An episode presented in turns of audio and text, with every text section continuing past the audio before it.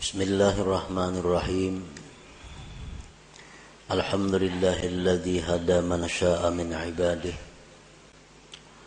وأضل من شاء من خلقه أشهد أن لا إله إلا الله وحده لا شريك له بربوبيته وألوهيته وأشهد أن سيدنا محمدا عبده ورسوله المعظم بسمائه وأرضه اللهم صل وسلم وبارك على سيدنا وحبيبنا محمد الرؤوف الرحيم بأمته وعلى آله وأصحابه وذريته وأنصاره وأتباعه أما بعد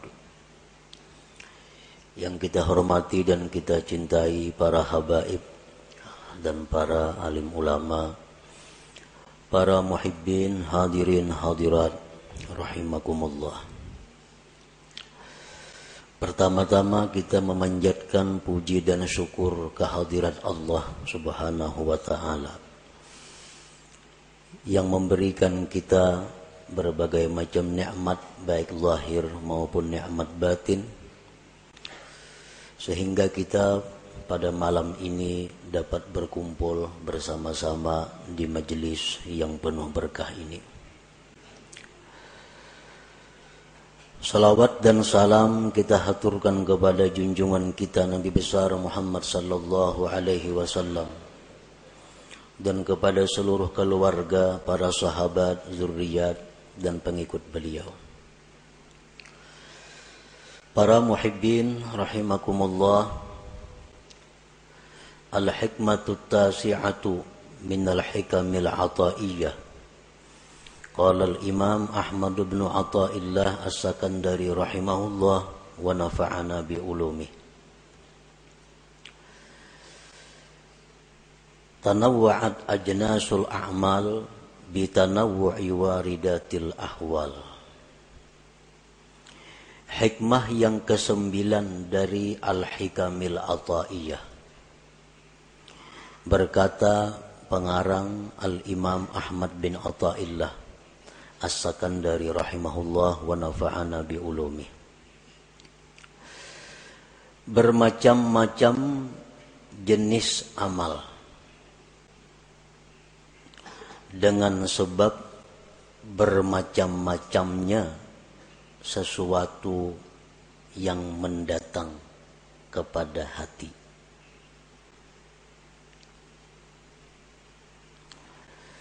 Maksudnya adalah tanawwa'at ajnasul kurubat. Bermacam-macam jenis amal ibadat. Ada sembahyang, puasa, sedekah, salawat, tasbih, tahlil, macam-macam jenis itu ibadah? Bisa babi ikhtilafi ma taridu alal qalbi minal hal dengan sebab berbidak-bidaknya sesuatu yang datang atas hati daripada keadaan.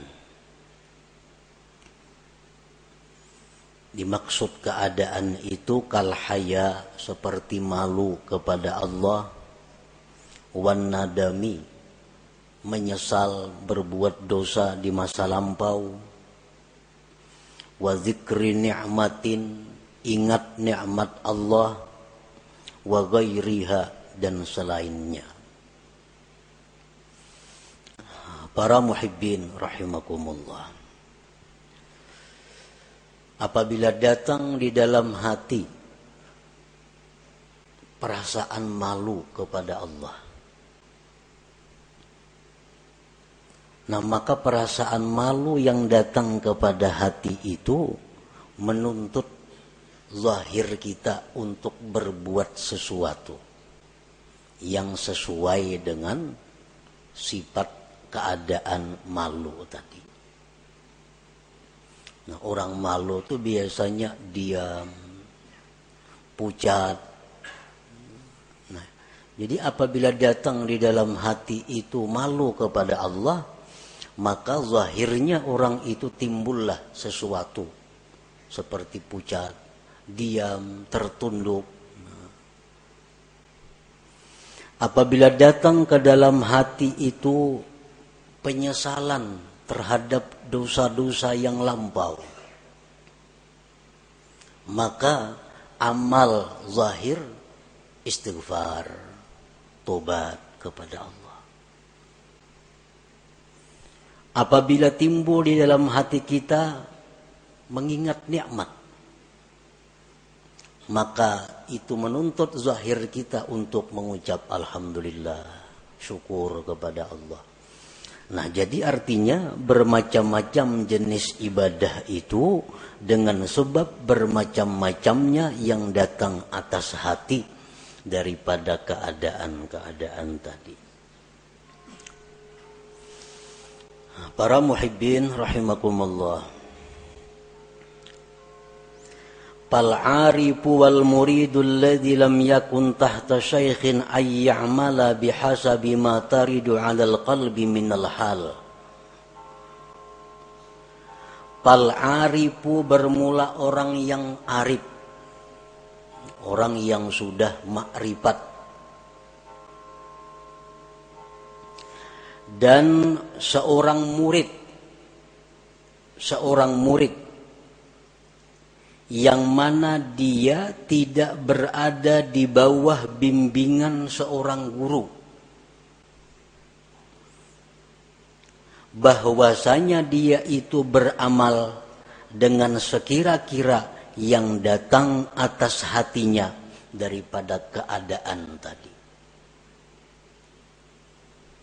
Ini untuk orang arif. Jadi hikmah yang kesembilan ini ditujukan kepada orang arif yang sudah kenal lawan Allah dan ditujukan kepada seorang murid atau salik yang tidak berada di bawah bimbingan guru yang tidak berada di bawah bimbingan syekh mursyid Nah jadi untuk orang-orang yang arif, untuk murid yang lepas, yang tidak dibimbing guru khusus, nah mereka itu hendaknya beramal ibadat sesuai dengan hal yang datang ke hatinya.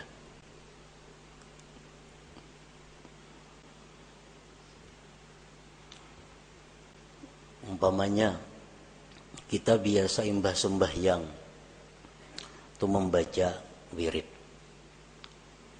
Macam-macam wiridnya.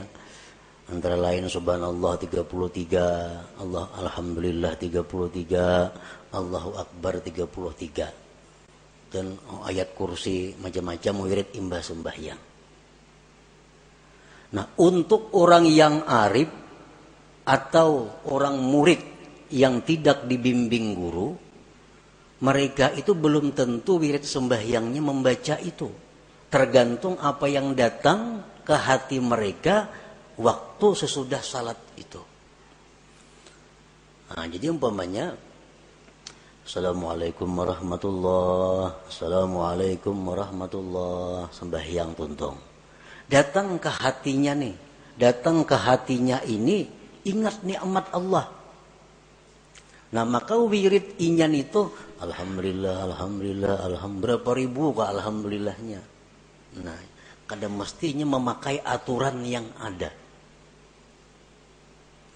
Ini untuk orang yang arif billah atau murid yang lepas, yang tidak dibimbing oleh guru khusus tadi.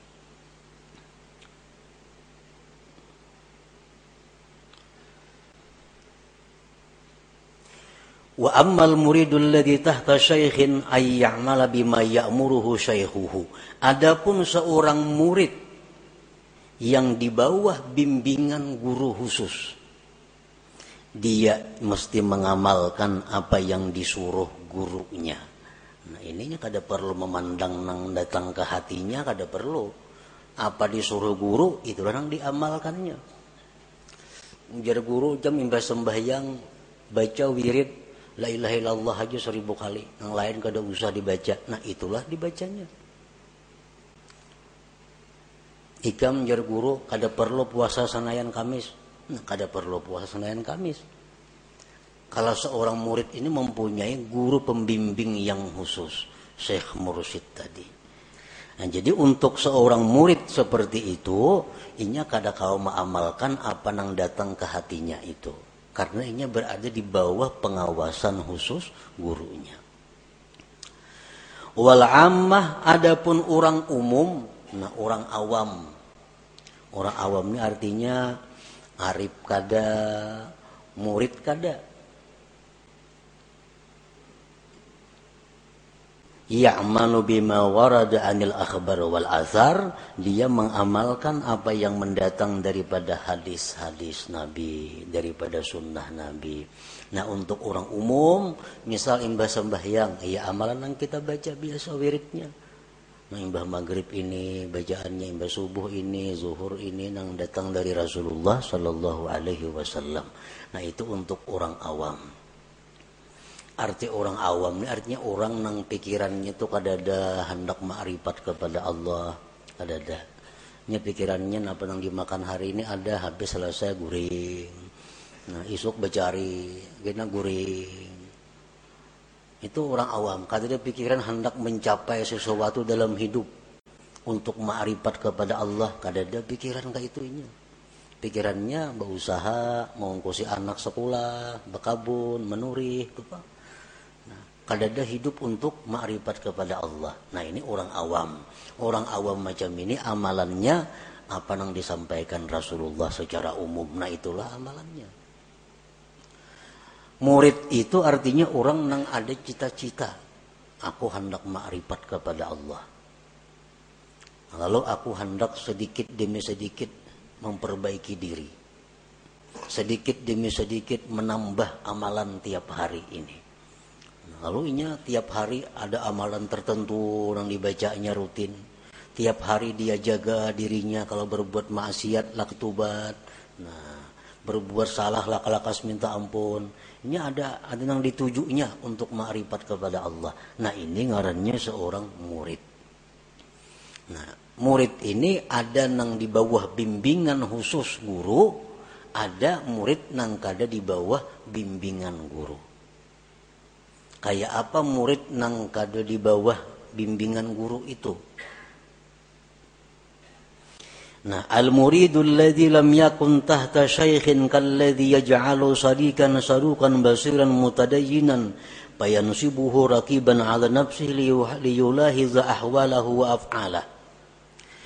Murid yang tidak di bawah bimbingan guru adalah seperti orang yang menjadikan kawan yang jujur, kawan yang mengetahui ilmu agama. Dia jadikan itu kawan sebagai pengintai dirinya untuk mengawasi keadaan-keadaannya. Nah, ini kada bisi guru, cuma ini ada bisi kawan. Nah, wallah aku mohon ikam ada nang kada baik kelakuan kelakuanku tagurakannya ada akhlakku nang kurang bagus ingati aku. Nah ikamnya ku harapakan menjagai aku nih nah. nah ada nang baik pada akan baik. Apa nang kada baik pada akan kada baik. Nah ini contoh seorang murid nang kada di bawah bimbingan guru. Tapi ini ada berisi orang kawan nang jujur, nang mengetahui seluk beluk agama, nang dengan kawan itu dia minta pantau dirinya. Nang baik tak didukung, mun aku salah tagurakan. Kana Umar bin Al-Khattab yas'alu Salman radhiyallahu anhu ma'ana uyubi wa kana yas'alu Hudzaifah radhiyallahu anhu hal tara alayya syai'an min asarin nifaq Sayyidina Umar contohnya. Beliau datang kepada Salman Al-Farisi. Ujar Sayyidina Umar, Wahai Salman, amun aku ada aib, amun aku ada kurang baik, tunjukkan kepadaku. Nah ini contohnya. Di zaman Rasulullah ada sahabat yang digelar sahibusir. Yang punya rahasia Rasulullah. Huzaifah al-Yamani Hudzaifah al-Yamani ini seseorang sahabat Nabi yang tahu ini munafik, ini kada. Nah ini khusus diberi Rasulullah ilmu. Jadi Hudzaifah al-Yamani ini tahu. Ini orang munafik. Ini kada. Ini orang mukmin bujur. Ini kada. Nah. Sayyidina Umar pernah datang ke Hudzaifah al-Yamani. Wahai Hudzaifah, engkau orang yang diberi ilmu oleh Rasulullah padahal kan lawan aku aku ini adakah bisi sifat munafik atau kadada nah padahal itu kakawanan aja antara Umar lawan Huzaifah nih. Nah jadi ini contoh seorang murid yang kada di bawah bimbingan guru tapi ada mempunyai kawan nang sagan betakun kawan untuk bertanya tadi. Nah orang seperti ini nang amal ibadah sunatnya itu menurut petunjuk hal yang datang ke hatinya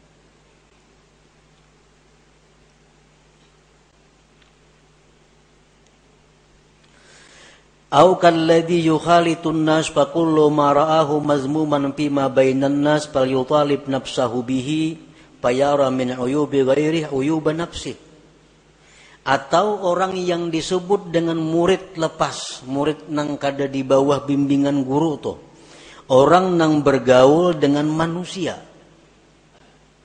Setiap yang dia lihat sesuatu tercela daripada manusia, itu dianggapnya dirinya ada berisi sifat itu. Nyama lihat manusia ada nang kada baik akhlaknya, wajarnya aku ada juga berisi kada baik nih, karena aku ini sama pada manusia. Ada orang bakhil ditamuinya, oh berarti aku ini bakhil juga, karena sama pada manusia. Ada orang nang sombong dilihatnya, dipantaunya ke dirinya berarti aku ini ada juga si sombong dalam diriku. Nah ini menjadikan angka baik di orang lain itu kepada dirinya. Nah ini contoh orang murid nang lepas juga ngarannya. Kada dibimbing guru juga. Seperti Nabi Isa alaihi salam berkata ujar Nabi Isa ma'addabani ahad. Tidak ada yang membimbing aku seseorang pun. Ra'aitu jahlal jahil sainan fa'ajtanibuh Aku melihat kebahagiaan itu sesuatu yang jahat, maka aku jauhi.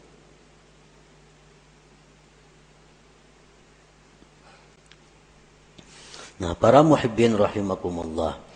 Jadi hikmah yang kesembilan ini ditujukan bukan kepada semua orang. Ditujukan hanya kepada orang yang sudah ma'rifat kepada Allah atau seorang murid yang tidak di bawah bimbingan guru. Jadi amal ibadahnya itu tergantung apa yang datang ke hatinya, maka itulah yang diamalkannya.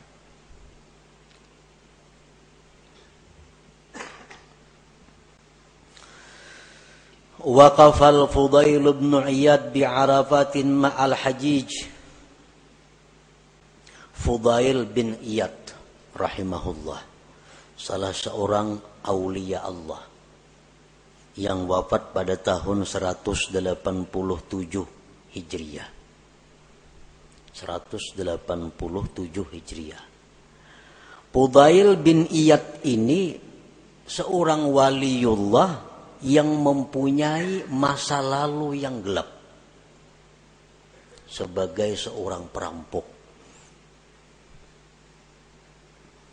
Nah, kemudian diberi hidayah oleh Allah, diberikan kewalian oleh Allah, jadilah aulia yang besar di saat itu. Nah, Fudail bin Iyad ini wukuf di padang Arafah bersama orang-orang yang naik haji. Falam yusma' minhu du'aun wala zikrun waktu wukuf di Arafah itu Fudail ini kada tadangar ada membaca doa, kada tadangar ada membaca zikir. Illa annahu wada'a yadahu yumna ala khaddih wa ta'ta'a ra'sahu yabki falam yazal kazalik hatta afadha nas ila muzdalifah. Orang wukuf di Arafah itu mestinya banyak-banyak berzikir dengan zikir la ilaha illallah wahdahu la syarika lahul mulku wa lahul hamdu wa huwa ala kulli syai'in qadir seribu baca waktu wukuf itu itu hadis nabi waktu wukuf itu kita hendaknya memperbanyak talbiyah Waktu wukuf hendaknya memperbanyak membaca Rabbana atina fid dunia hasanah itu.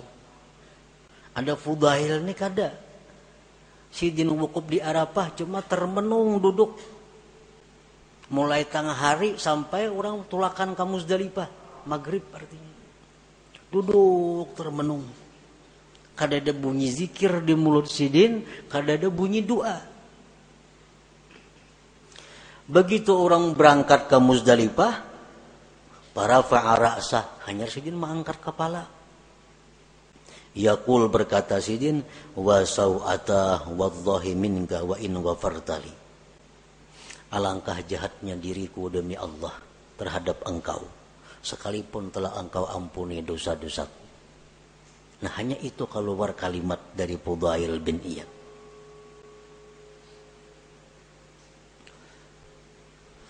Nah, kenapa Fudail itu demikian?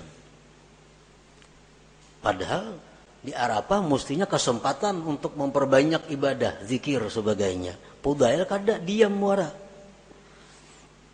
Nah, idin waradat al fudail halatun min tazakkurihi lima fihi yawman kana musrifan ala nafsi syagalathu al-haya min Allah anid du'a wal azkar.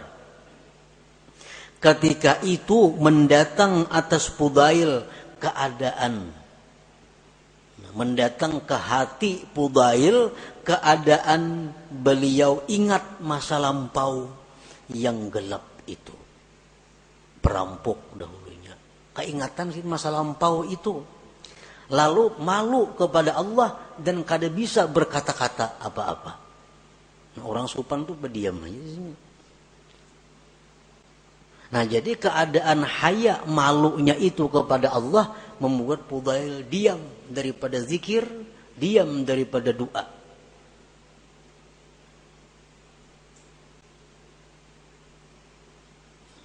Padahal di tempat yang kita disuruh memperbanyak zikir dan doa. Tapi untuk seorang Fudail bin Iyad yang mana beliau tergurung orang yang arif dengan Allah, maka beliau beramal sesuai dengan apa yang datang hal kepada hati beliau.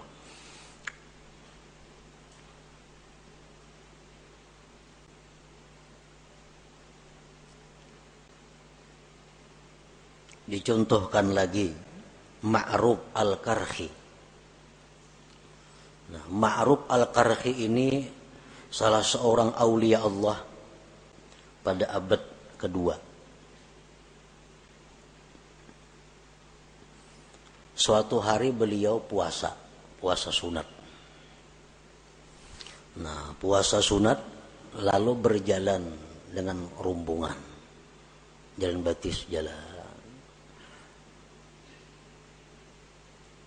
Di tengah jalan itu ada orang membawa membawa air, membawa banyu ada.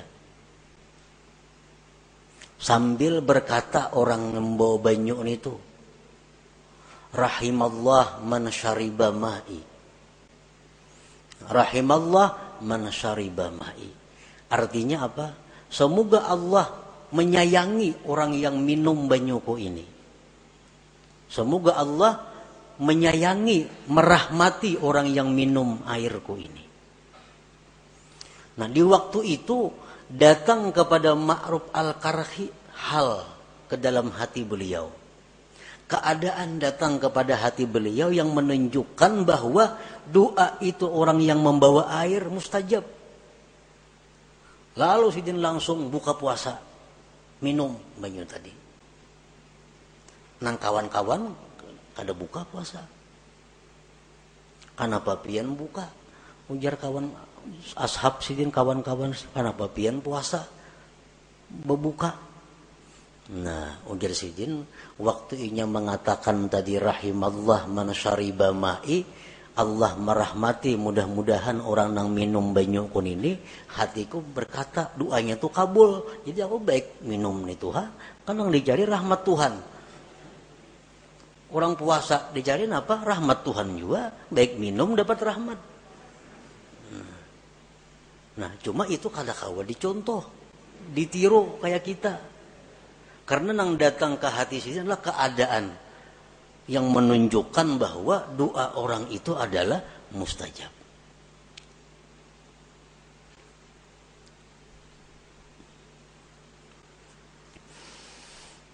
Ini contoh untuk orang yang arif dengan Allah Subhanahu wa taala di mana mereka beramal, mereka itu berbuat taat eh, sesuai dengan apa yang datang hal kepada hati mereka itu. Nah, kemudian dicontohkan lagi salah seorang waliullah yang bernama Sari As-Sakati. Pamannya oleh Junaid Al-Baghdadi. Wafat tahun 253. Sari As-Sakati ini dikabari oleh orang. Dikabari orang, ujar orang, wahai syekh, wahai tuan guru, itu di pasar kebakaran. Maka Sidin ada besi toko di pasar. Di pasar kebakaran. Semua toko terbakar. Kecuali toko pian sebuah di tengah-tengah selamat. Alhamdulillah ujar Sari As-Sakati ini. Alhamdulillah. Kan mesti alhamdulillah kan nikmat tuh. Nah, alhamdulillah. Nah, sesudah itu datang ke hati, ke dalam hati Sari As-Sakati ini satu hal, satu keadaan di mana beliau itu dicela karena ber, karena senang dengan selamat tuku sedangkan tuku kaum muslimin yang lain terbakar semuaan. Dalam hati Sidin datang satu keadaan di mana bahwa Sidin itu salah. Ikam bersyukur, ikam selamat. Orang apa kayak apa tuh sembuhan terbakar. Nah, lalu ujar Sidin, aku istighfar kepada Allah selama 30 tahun karena kata-kataku Alhamdulillah tadi. Orang mengucap Alhamdulillah, istighfar.